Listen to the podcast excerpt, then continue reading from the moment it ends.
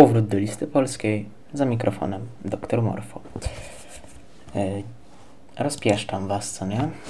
E, dzisiaj wracamy do naszej ukochanej polskiej listy podmiotów SCP. Dzisiaj SCP-PL 053. Klasa podmiotu Euclid, czy tam Euclid. Muszę w końcu sprawdzić, jak powinno się czytać. Specjalne czynności przechowawcze. SCP-PL-053 zabezpieczone jest w standardowej celi dla humanoidów w biologicznym ośrodku numer PL 14.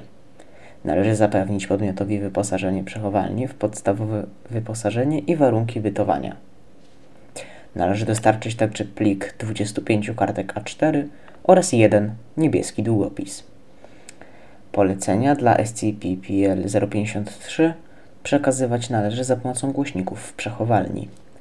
Dostęp do podmiotu wymaga uprawnienia w stopniu drugim lub wyższym oraz zgody udzielonej przez doktora Schwarza lub jego zastępcę. Raz w miesiącu w okresie trzech dni pełni księżyca nakazane jest zamykanie podmiotu w kabinie z kuloodpornego szkła znajdującej się w rogu przechowalni z otworami umożliwiającymi dopływ powietrza umieszczonymi w górnej części kabiny. W okresie zamknięcia dostarczyć należy trzy razy dziennie pożywienie do kabiny. Proces należy przeprowadzić w asyście dwóch pracowników ochrony przez pracownika klasy D. Zaleca się badania okulistyczne raz na miesiąc. Opis. Podmiot to 27-letni mężczyzna, szczupły, w okularach, o wzroście 175 cm, i wadze 59 kg. Dane pochodzą z dokumentów znalezionych w trakcie pozyskania oraz ze wstępnych badań lekarskich podmiotu. Badania wykazały znaczną wadę wzroku podmiotu. Musi nosić okulary. Obiekt większość czasu spędza w swojej przechowalni pogrążony w myślach, średnio trzy razy dziennie dokonując notatek na kartkach. Analiza zapisków wykazała szereg rozmyśleń na tematy egzystencjalne oraz dotyczące fazy anormalnej.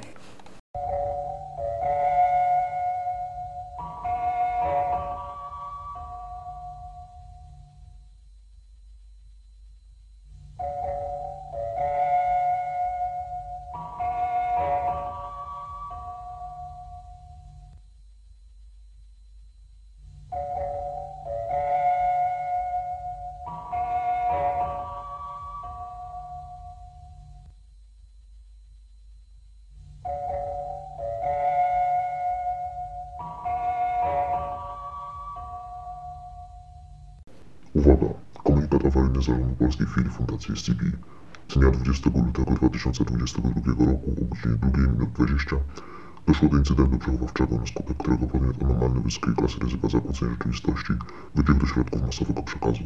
Fundacja podjęła stosowne działania w celu zneutralizowania oraz ponownego zabezpieczenia podmiotu.